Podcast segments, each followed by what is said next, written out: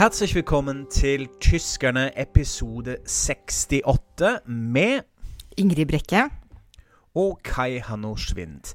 I dag skal vi snakke om koronatiltak. En gang til, pent blandet sammen med ordspalten. For hva er nå egentlig beherbergungsverbot?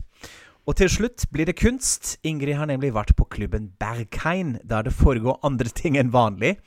Men først, Ingrid, hvordan har du det i Berlin? Jo, jeg har det jo fint i Berlin, altså. Det må jeg bare si. Eh, Det har regna, det har vært litt kaldt, koronatallene stiger også her. Men likevel eh, er det jo faktisk herlig å være i Berlin. Det må jeg bare innrømme. Jeg har skaffa meg en sykkel og brukt litt tid på å sykle rundt i, i nærmiljøet, altså egentlig mer sånn Prenzlauer og Mitte. Eh, For det er jo alltid noe av det spennende med å komme tilbake til Berlin. Det er jo hva har skjedd siden sist. Ja. Og noe av det jeg har oppdaga, er at i Unter Linden er faktisk veldig mye av byggearbeidene eh, avslutta. Det er vel det som er knytta til eh, den nye O-banelinja, tror jeg. Yeah. Så Unter Linden er vakrere enn på eh, veldig lenge. Og det nye byslottet er jo nesten ferdig. Jeg tror det skal åpne, eh, eller bli innvia sånn kanskje rett før jul, eller rett over. Em, og jeg har uh, sykla forbi huset der eh, Angela Merkel bor, i hennes bygård, og sett at uh, stakkar, hun har fått et stillas over hele nabogården sin, så der er det nok ikke mye fred å få eh, for tida med byggearbeider. Mhm. Eh, og så har jeg gjort sånne hyggelige Berlin-ting, da, som å uh, spise frokost ute. I dag har jeg f.eks. Åh. spist eh, to egg i glass, som er en sånn herlig måte å spise bløtkokte egg hvor man ikke må skrelle dem selv. Ah, Det yeah. liker jeg veldig godt, altså. Men det er klart. Eh, det er mye korona eh, også her. Mhm. Jeg var på sånn lørdagsmarked i, i dag, og da jeg kom hjem, så så jeg at eh, ikke bare er, det ny koronatallrekord eh, også i dag, men eh, president Steinmeier har eh, er satt i karantene, eller har satt seg selv i karantene fordi en medarbeider er smitta. Mm. Mhm. Og Merkel har nå, ber nå alle om å bare holde seg hjemme så mye som eh, mulig. Så det er jo Det er blitt veldig alvorlig.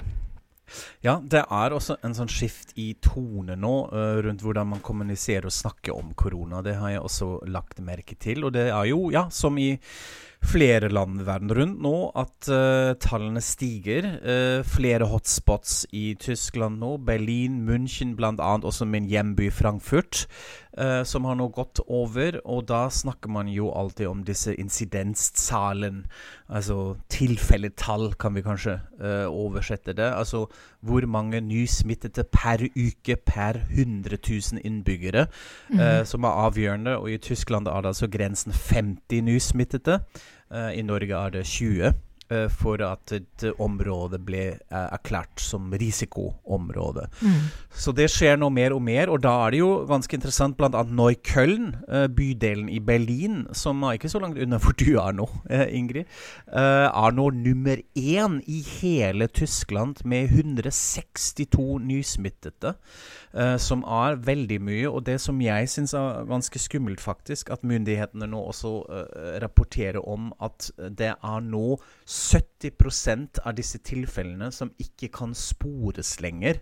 Uh, det var jo mange av disse tiltak rettet imot at man hadde folk måtte registrere seg på ulike måter og vis, og så kunne man et sånn smittespore mye lettere. Og at dette er nå mer og mer komplisert.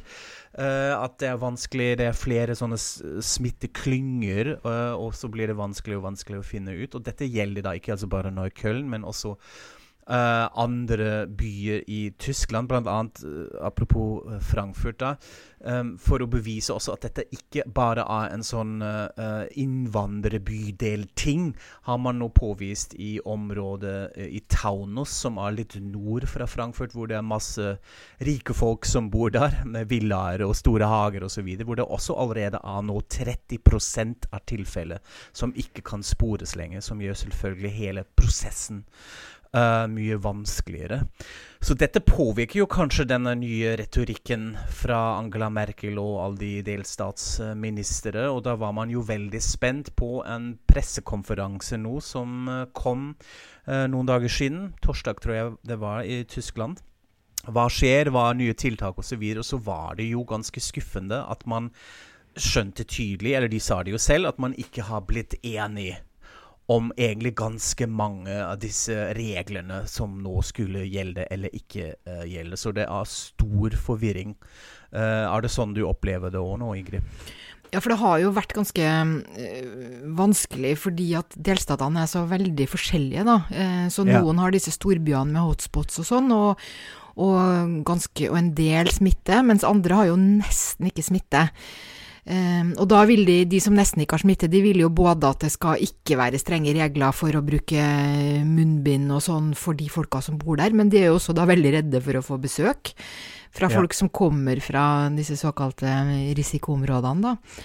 Sånn at, uh, og Derfor har man forskjellige interesser, og så har man da ikke klart å lage felles regler, til stor frustrasjon.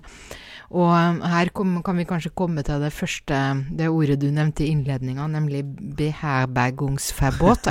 Jeg syns det er kjempevanskelig å si, men jeg har også hørt mange tyskere også, si det feil. Ja. Absolutt. Jeg syns også det er vanskelig. Ja. Så det betyr jo noe sånt som eh, eh, Det er forbudt å, å, ha noen i herberget sitt. Det er forbudt å Så du får i Altså det, det, ble da eh, erklært at eh, eller Jeg tror det var 12 av 16 delstater som sa det at eh, hos oss får du ikke komme fra et risikoområde.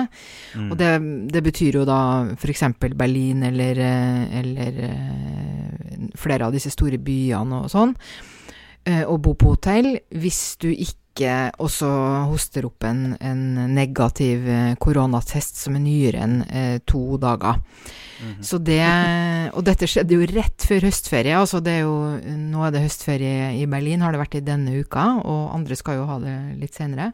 Mm. Så det var vel et slags forsøk på å hindre at eh, det skulle spre seg eh, fra Berlin til særlig da Mecklenburg-Vorpommern.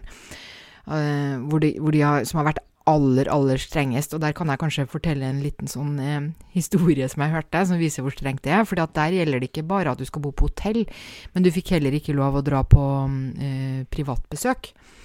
Eh, så da var det eh, en venninne av en venninne som ville så gjerne besøke bestemora si. Det var jo ikke lov.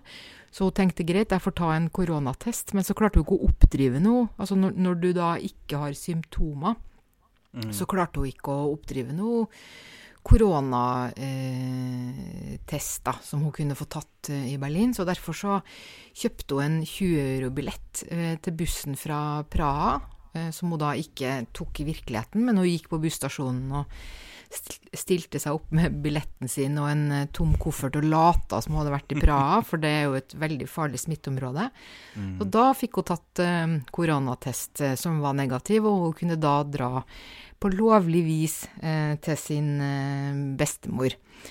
Så det viser litt uh, Altså, jeg tenker det er mer en sånn illustrasjon på hvor, hvor krøkkete og, og, og, rart dette er, da. Og nå har jo det her beherbergungsforbudet har jo allerede blitt eh, oppheva av retten i, i, flere delstater. Folk har klagd, og det er ikke lov å nekte tyskere å bo på hotell i andre delstater. Ja, det er det. Så er det jo også en del uh, delstatsministre, som Markus Surde fra Bayern, som allerede har gått ut og sagt nå vi skal fase dette ut nå ganske fort, egentlig, fordi dette funker ikke rent praktisk at vi opprettholder dette. Men igjen, man håndterer jo denne stemningen i befolkningen eh, som reagerer imot det. Altså denne forvirringen eh, er jo stort. Men hvordan er det med disse antikoronatiltak, demonstrasjoner? Dette har vi jo snakket om ganske mye i sommer, med de store demonstrasjonene i Stuttgart og i Berlin, og masse bråk rundt dette. Men eh, nå virker det som de er ganske urolig for tiden. Eller de har kanskje ikke lov å samle seg, eller hva skjer på den fronten da?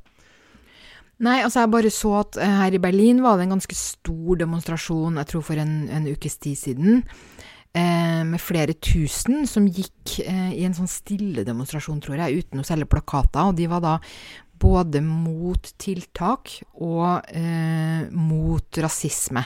Så det var en, en, slags reaksjon på at de var blitt slått eh, i, i, satt i samme gruppe som høyreekstreme, da, antagelig. Eh, og så oppdaga jeg noe, noe, litt morsommere, og det at det har jo vært en De her kverdenkeren, som er uh, Som egentlig kommer fra Stuttgart, vel, og som er en sånn uh, mm. antikoronatiltak-gruppering. De har hatt en teltleir i Tiergarten. Eh, det er jo helt utrolig i seg selv at, de, at, man kan bare slå opp en haug med telt eh, altså et par hundre meter fra parlamentet og rett utafor døra til Merkels eh, kontor, da. Men der har de nå vært eh, i flere uker, tror jeg.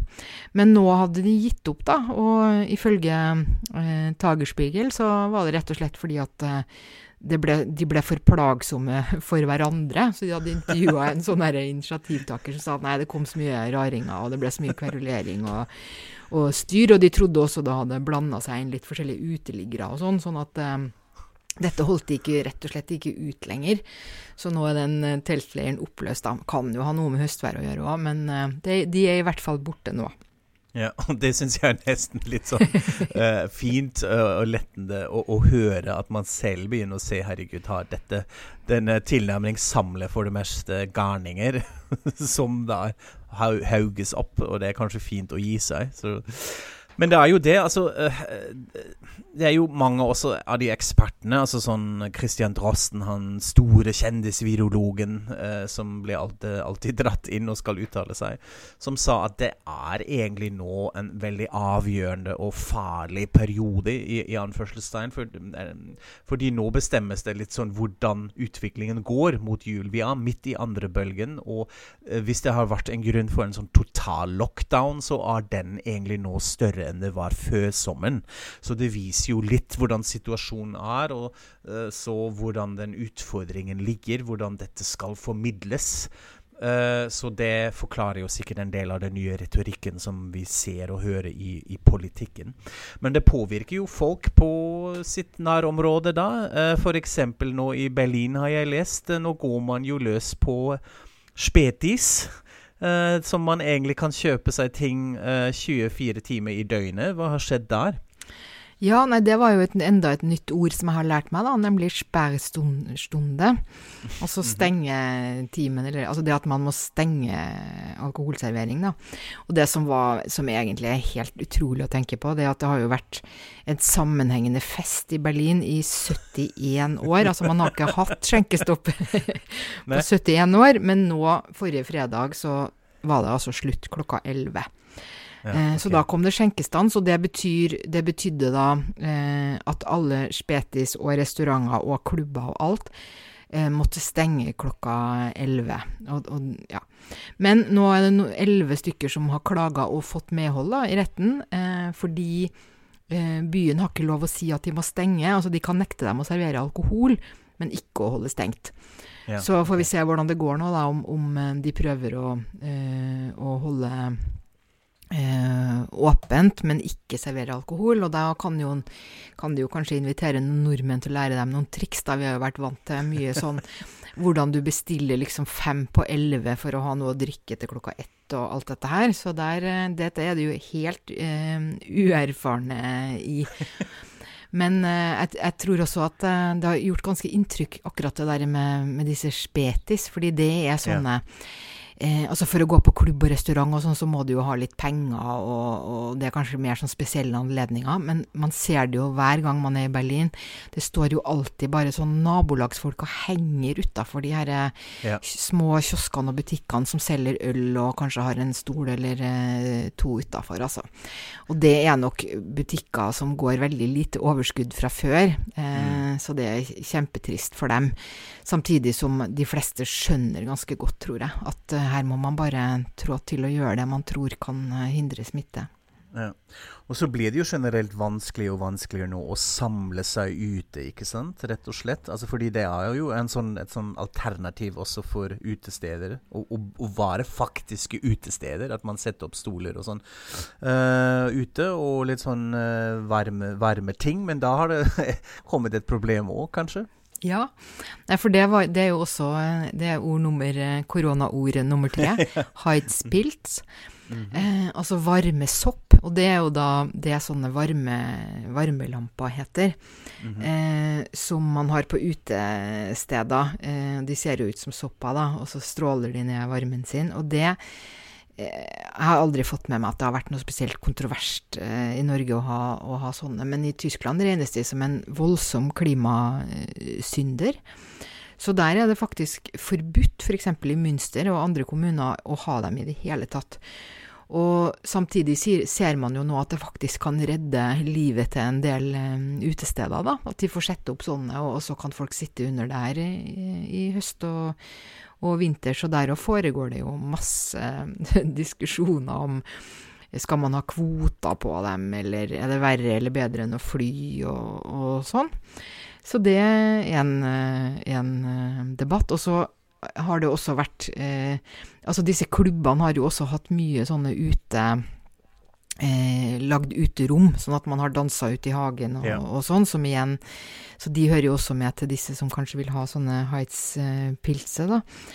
Uh, og det gjorde også, syns jeg også var litt sånn sterkt å se. De har hatt, klubbene har laga eget opprop, og, og jeg, jeg, var også Det kan vi legge ut bilder av. Jeg, jeg var og sykla langs brei, og da kom det en sånn båt Eh, en båt, egen demonstrasjonsbåt, da, som, som eh, ville ha Som protesterte på vegne av, av, klubbene, egentlig. Eller kanskje ikke protesterte, men viste seg fram.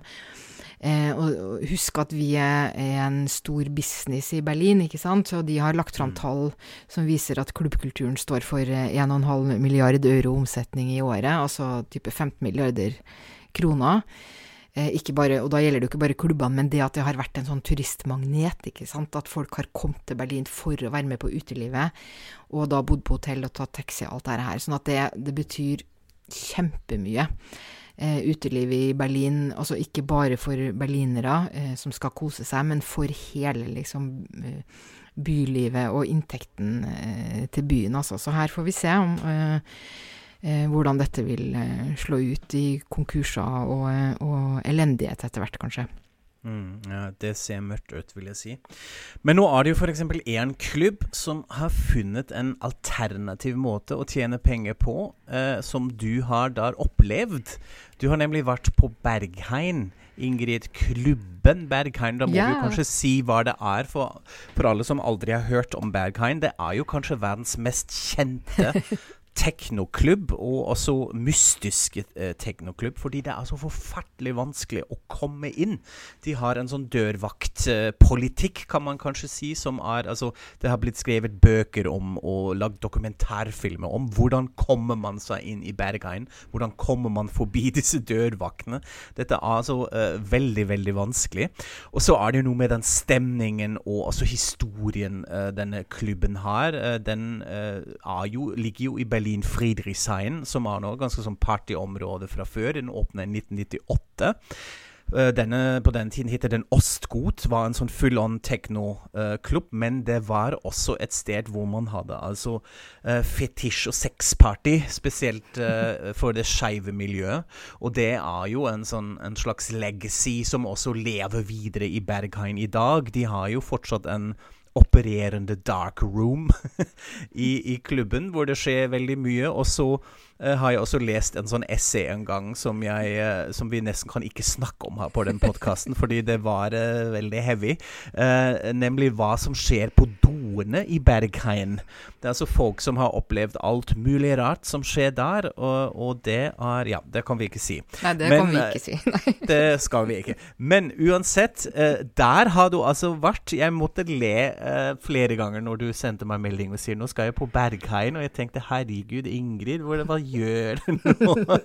Men hvordan var det? Altså, du kom deg inn? Det jeg kom meg inn, ja. Altså, jeg har jo, jeg har jo aldri vært på, på Berghain på, på, ordentlig, men jeg har nå liksom tenkt at nei, jeg kunne vel kanskje kommet inn hvis jeg ville, men jeg har jo ikke klart å Jeg, jeg klarer jo ikke å være oppe så lenge om kvelden. men nå var det jo midt på dagen, så det, det var greit. Og de hadde en veldig streng sikkerhetskontroll. Eh, men eh, vi kom inn, for vi hadde jo billetter på nettet på forhånd og, og booka en sånn uh, guida tur, da. For det er ja, okay. sånn, man, sånn, man, gjør det. og da Det var jo det var kunst der av etter hvert fall to av dørvaktene som hadde lagd kunst. Han ene, Sven Markhardt, er vel han som er mest kjent. Og guiden vår var, pleide å være DJ eh, i Panorama Bar, så dette er mm -hmm. sånn egne krefter. Mm -hmm. Men det er jo veldig langt fra noe, noe amatørutstilling, det her. Altså det, de kaller den Studio Berlin, og uh, det er jo uh, hotshots-folk som driver Berghain. Og de har da kontakta eh, disse kunstsamlerne som har denne Bårås-bunkeren i Berlin, viser, hvor de viser sin samtidskunstsamling, som alle må dra til hvis de kommer til Berlin. Det er et fantastisk sted. så det er kjempeinteressant samtidskunst av berlinerkunstnere. Det meste fra den Borås-samlinga, men også en del som er henta inn spesielt, da. Eh, og eh, det som kanskje gjorde mest inntrykk på meg, det var nesten Det var omtrent det første eh, verket. Mm -hmm. en som heter Julius von Bismarck. Og det var da en bøye, sånn som man har eh, Som ligger og flyter på havet. Kjempestor, altså sikkert et par hundre kilo tung, som hang i taket i sånn ståltråd og gjorde bølgebevegelser. Og det var ganske flott å se på. Og så ble det helt sånn jeg fikk nesten sånn stikk i hjertet når, når guiden sa at og den gjør de samme bevegelsene som en bøye som nå ligger ute i Atlanterhavet og flyter opp og ned. Oh, wow. eh, og, og den, har, den, flytter seg opp til seks meter, så det sier også noe om mm. hvor innmari høyt det er under taket på, på Berghaien, at den kunne drive og slenge rundt sånn der oppe uten at eh, noen kommer i, i, fare, da. Men det var et helt nydelig, nydelig verk. Mm -hmm. Um, og så annet, noe annet som jeg også syntes var Det var kanskje mer sånn morsomt, men det var en som hadde lagd brukte, Han brukte utstoppa dyr. Og så hadde han snudd opp ned på rollene i naturen, så det var sånn lille dådyrkalven som hadde seira over en sånn rovfugl og sto liksom oppå den og, og hadde tatt den og sånn. Eh, så, mm. så snudde disse eh, rovdyr og, og, og offerrollene. Og så var det den kanskje mest kjente, eller i hvert fall en av de aller mest kjente berlinerkunstnerne, nemlig Olafur Eliasson. Han var der med mm -hmm. sånn Han driver mye med sånn speil og lys og sånn. Og, og, en av mhm. hans elever hadde et veldig flott verk, som var en kjempestor sånn uh, lysbildeinstallasjon av en fontene der man ikke, som ikke var vann, men ild, i flere etasjer. Mm -hmm. og, ja. Så det var veldig, veldig eh, mye flott og, og, interessant kunst. Og det er også så fint å, bare se dette lokale. Det er alltid noe spesielt med disse eh, gamle industrilokalene og disse dimensjonene. Altså det største ja. rommet er jo så gigantisk at man blir helt eh, eh Kan nesten Ja, ja nei, man, man, bare står der og ser nesten ikke enden. Ja. Men det var, den, det, var ikke, det var, ikke, lov å ta bilder da, eller? Sikkert nei. fortsatt ikke. Nei. da. Det må de jo holde opp. Det var, det var litt streng. Ja, nei, det, var, det, er kjempestrengt. Altså, du får, de klistrer over kameraet på mobiltelefonen din når du, oh, når ja, du kommer wow. inn. Og i tillegg oppfordrer de til å legge den igjen i garderoben, så jeg gjør begge deler for sikkerhets skyld, da. ok, da kan du i hvert fall ikke ta bilde, ja. Vi skjønte det. ja. Okay. Nei, så det ja, var men det er jo en fin løsning uh, å gjøre noe med det. Uh, det. det. må man jo si, og rett og slett få generere penger. Og jeg vil nok uh, tro at mange i kulturbransjen som må tenke sånne alternative løsninger i månedene fremover. Fordi det kan ta lang tid før alt er tilbake som før. Så vi får se hvordan kultur, kulturlivet løser dette. Ja. Ja, eh, vi har jo egentlig hatt litt sånn integrert eh, ordspalte og koronatiltak her nå, men, men vi har bitte lite grann til en Hva skal vi kalle den ekte ordspalten også? eh, fordi eh, denne uka så ble det nemlig kåra årets eh, ungdomsord. Det kan kanskje du si litt om, eh, Kai, eller? Ja, så da spør man jo uh, Det er Langenscheidt-forlaget som uh, gjør dette, altså i regi av et kjent stort forlag som også gir ut uh, ordbøker, alle mulige. Og de spør da, nå vet jeg ikke helt hva sånn aldersgruppen er, men det er i hvert fall ungdommene selv. jeg tror man går da via skoler i denne undersøkelsen og spør altså hva er årets ungdomsord. Og da er det jo litt morsomt hva som, hva som kom frem. Vil du si eh, plass én, to og tre? ja, altså eh, Jeg kan jo først si at det, er, det, ordet som egentlig vant, det var så stygt at de tok det bort. Og så hadde de avstemning på tre andre ord. og det var da eh, cringe, weird og lost. Eh, sånn at eh, det er jo helt tydelig at eh, tyske ungdommer er veldig opptatt av engelsk, da, og ordet som mm. vant, eh, det var da lost. Mhm. Så det er jo nesten litt Jeg syns jo nesten det er litt trist, eller altså Men det er jo en sånn kanskje vi føler oss eh, både unge og gamle for tida, da. At vi er litt lost i denne koronatiden. Så sånn sett så, så passer det kanskje. Ja, ikke sant. Men nå er jeg egentlig litt nysgjerrig på det stygge ordet som de valgte bort. Vet man hva det var, eller ble det bare sagt at man ikke Altså, jeg vet si ikke hva det var, nei. Men det kan jo hende det går an å finne ut hvis man er veldig nysgjerrig, da. Ja, nå er vi veldig nysgjerrige. Det, det, det skal vi finne ut, og så kanskje fortelle dere neste gang. Men uh, før vi blir helt lost her, da runder vi av for denne gangen. Sier tusen takk. Ingrid, kos deg videre i Berlin. Uh, Ja. det er så spennende å ha deg der på plass. Uh, men pass på deg. Eh, vær- ha på munnbind og alt det der, som vi gjør her i Oslo nå. Det er jo litt sånn samme situasjon, egentlig, på en måte.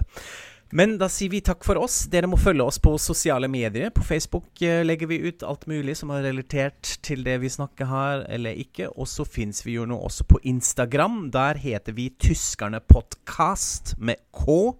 Og da legger også Ingrid bilder ut fra Berlin. Det er veldig Mhm. gøy akkurat nå. Alt uh, mulig rart som hun uh, snubler over og tar bilder av, skal vi legge ut da. Så vi høres straks igjen, og så sier vi auf Wiederhøen. Auf Wiederhören.